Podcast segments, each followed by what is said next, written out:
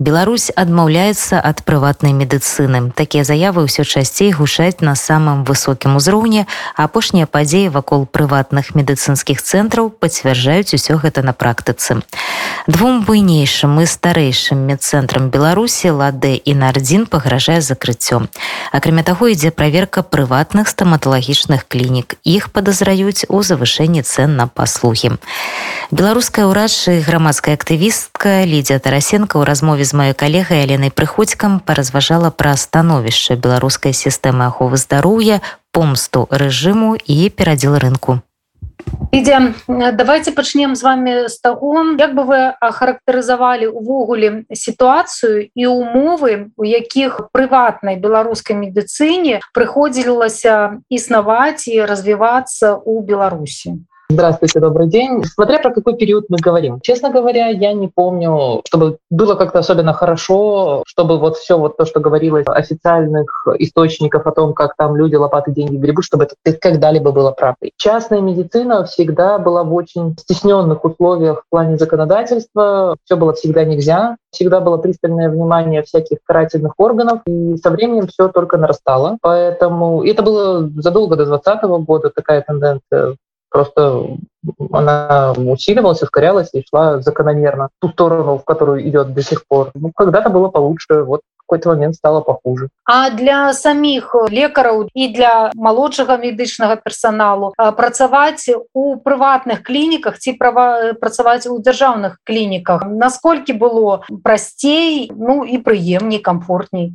всегда были свои плюсы и минусы и в частной и в государственной медицине для работника если мы говорим там про врача да, да и про, про любого специалиста в ГОСе с одной стороны было работать и сложнее, и проще.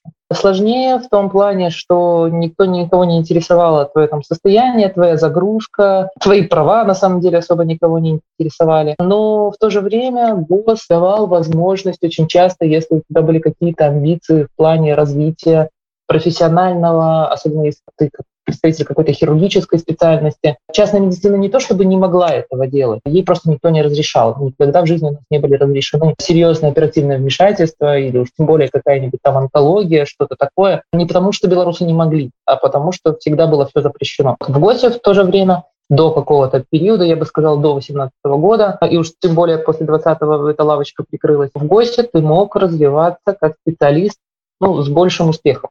Это не стопроцентное правило. Стоматологи прекрасно более-менее э, работали в частной медицине, и стоматология частная позволяла человеку как-то ну, чувствовать себя очень хорошо в плане профессиональном. Но основная тенденция вот такая. С другой стороны, в частной медицине тебе все-таки платили значительно лучше. Как правило, адекватные менеджеры в частных клиниках заботились о том, чтобы персоналу работникам, и тут неважно, санитарка, врач или медсестра, чтобы люди как-то более-менее себя нормально чувствовали, чтобы они не шли на работу из-под палки. И, как правило, взаимоотношения в таких коллективах, как правило, были лучше, и, и атмосфера более здоровая. И наличие таких структур, как, например, колл-центр, ресепшн, снимал огромное количество э, работы с врачей или с медсестер, потому что в ГОСе все это фактически ложится там на твои плечи, и, врач между операциями вынужден еще там левой ногой записывать еще какой-то там журнал вести. В плане климата, взаимоотношений и денег в ГОСе всегда было как бы похуже, чем в частной медицине. Ну, опять-таки, мы не говорим про каждый конкретный случай. Были, конечно, всякие исключения. Той ціск, які пачаўся на э, прыватную медицину у двадцатым годзе і пасля як вам падаецца чым гэта звязана чаму да медыкаў у лукашэнкі з'явілася адначасова шмат таких пытанняў подозранняў і шмат гучных спраў но ну, если простой ответ очевидно в том что паранойя прогрессирует да претензии были всегда всегда к наша структуры, которые удерживают власть в стране, всегда обладали вот этой тенденцией отрицательной селекции внутри себя, куда приходили люди с наименьшими способностями ко всему, кроме лояльности. И эти люди обладают утробной ненавистью ко всем, кто что-то может, кто что-то из себя представляет. Вот этим вот вшивым интеллигентам, к людям, которые занимались частным бизнесом, всегда было отношение как будто эти люди там, я не знаю, торгаши и обманывают людей, но это сквозило и продолжает сквозить всего госаппарата.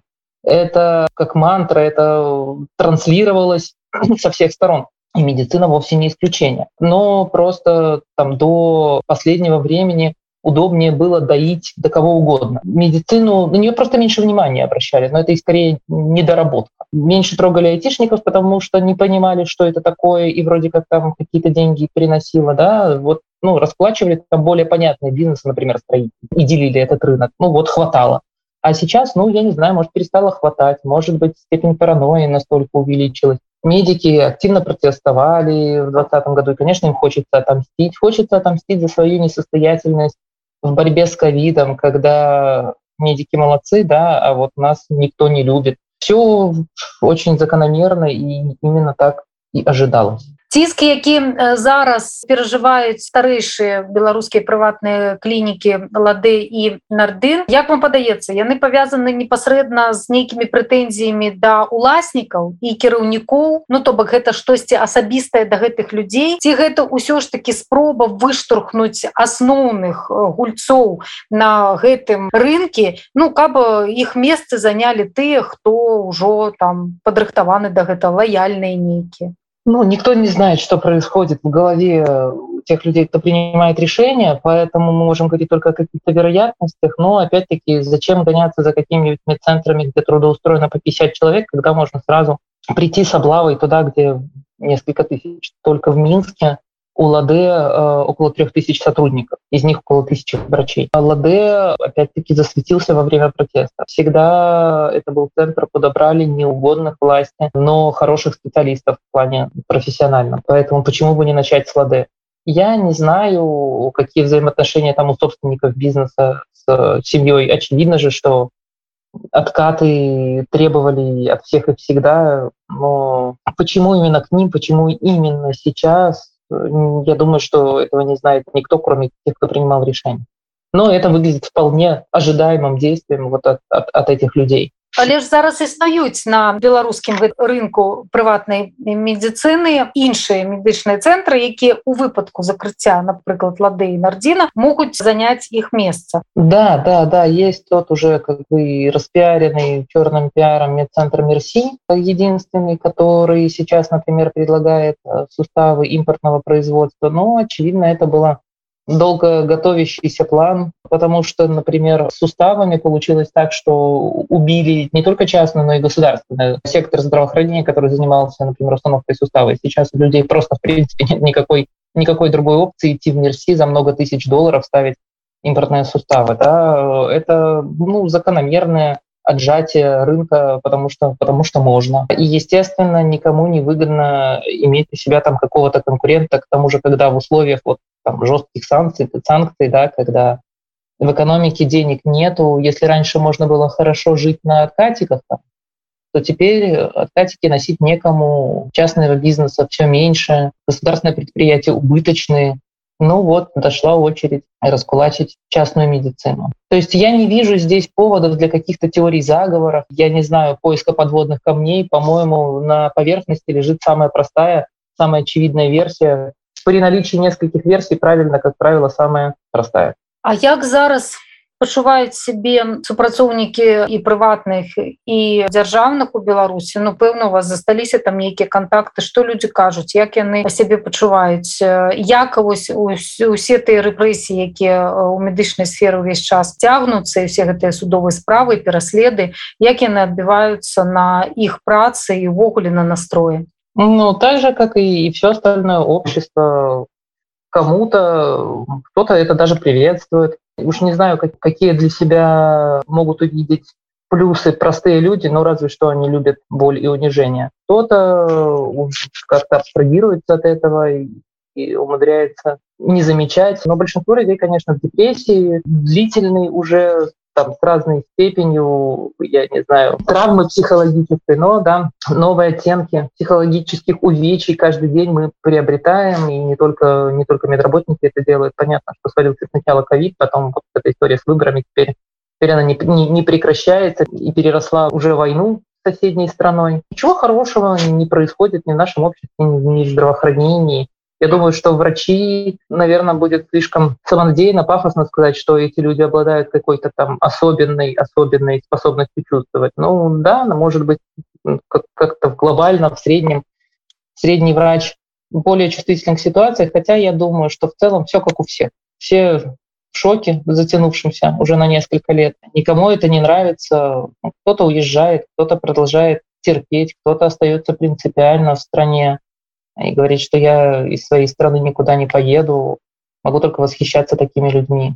А вось той факт, што медыкі сталі у пэўным сэнсе саўдзельнікамі тых злачынстваў якія э, робіць рэжым. Ну па-першае яны э, знаходзяцца под подпіскай то бок медыкі вымушаны хаваць спачатку статыстыку по кавідзе і лгаць і пацыентам і увогуле афіцыйна. Потым медыкі вымушаны хаваць наступствы злачынстваў збіццё людзей. Усе тыя злачынствы і усе тыя траўмы з якімі людзі патраплялі пасля разгонаў пратэстаў медыкі таксама былі вымушаны хаваць. Зараз вайна ва ўкраіне медыкі медыкі таксама уцягнуты ў гэтую гісторыю параненыя з рассіі хто не ведае як далей працягнецца гэтай гісторыя можа у лукашенко ўжо там дзвюма нагамі уступіць гэтую вайну то бок гэта гэта працягнецца і вось як усё гэта павязваецца з ну, я не ведаю высокім званнем доктара тут у меня много возражений к этому вопросу начну с более простого по поводу высокого звания врача профессия врача медицинского работника такая же работника как любая другая да, с повышенной ответственностью, да, с требованиями к интеллектуальным и часто физическим способностям, если мы говорим про хирургические специальности. Но это в первую очередь работа. Ну, не надо ничего героизировать, кому-нибудь примерить плащик супергероя, ничего этом хорошего нет. Профессия врача имеет свою ответственность, потребности, скажем, в том, чтобы она была обеспечена соответствующим качеством условий труда. Поэтому высокое звание врача как-то звучит пафосно, да и ни к чему это.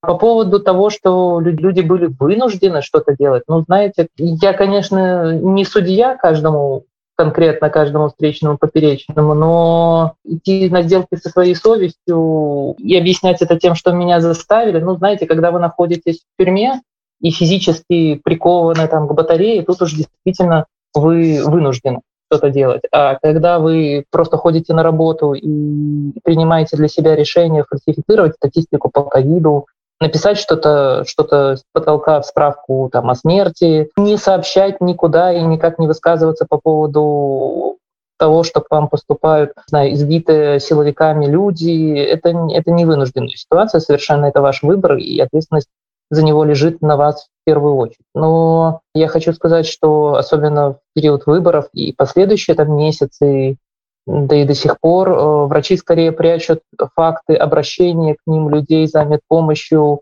от силовиков, а не наоборот. Поэтому нельзя огулом всех называть героями или предателями. Есть э, и те, и те, как среди врачей, так и среди сантехников. Конечно, когда ты находишься в позиции, когда у тебя больше ресурсов, да, ты можешь эти ресурсы использовать либо во вред, либо во благо. Ты должен думать о том, как ты ими распоряжаешься. Вот. Но говорить о том, что кто-то был заставлен, я не могу. Могут заставить здесь и сейчас. Я не знаю, прийти с дубинками. Но если ты завтра после этого пришел добровольно на работу, то ты пришел сам своими ногами. Як зараз вось гэты ціск на прыватную медицину адаб'ецца на простых беларусах? Хорошая новость в том что все что могло случиться случилось уже во время ковида. Медицина в здравоохранении в белоруссии почила в бозе. И все вот эти вот сейчас ощущения того что ой ну вот на три дня еще осталось, но сегодня еще хватит, это неправда. Медицина умерла, э, единичные какие-то специалисты, единичные места, в которых можно решить свои единичные, чуть ли не в частном порядке проблемы, э, вовсе никак не влияет на общую картину. Единственное, что нас сейчас спасает, это отсутствие, я не знаю, лихорадки Денге и, и прочих прелестей, например, которые бы мы могли поиметь тропическом климате. Только климат, короче, Беларусь спасает. Как в рассказе Булгакова про роковые яйца. Медицина развалилась, как бы и сейчас это просто пинание дохлой лошади. Да, остались люди, которые еще помнят, как, как можно работать, как могло бы быть хорошо. Люди, которые учились там, в приличных заведениях, на курсах где-то еще, которые есть там, по своей инициативе, клиники с мировым именем. Вот. Но осталось, остается все меньше людей, которые даже осознают это. Это, конечно, скажется негативно на обществе, но поймет ли это кто-то, я не знаю. У нас э, в том числе и представителей властных структур почему-то считают, что у тебя есть возможность открывать двери ногой, то сейчас тебе все будет и будет хорошо. Это никогда не было правдой.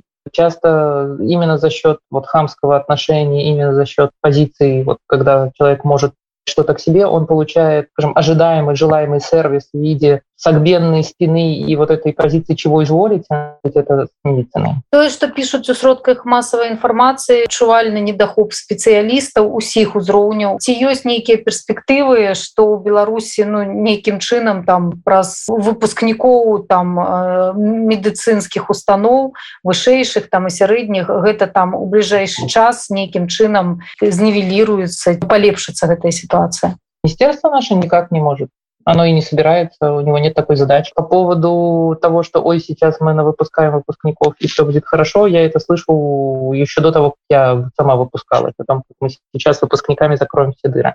Это, я не знаю, все наше министерство камлает на, на выпускников, но почему-то никогда это не было решением. Ну, ну, глупо про это говорить. Опять-таки, только если на цепи людей держать. Никак. Наше министерство не хочет, не может и не будет заниматься решением каких-то там глупостей в плане обеспечения нашего общества здравоохранения. По-моему, они явно дают об этом понять. Начало ковида. Всем все равно. апошняя падзея вакол прыватных медыцынскіх цэнтраў у беларусі мы абмяркоўвалі з урашом і грамадскай актывісткай лідзе тарасенкам світанак свабоды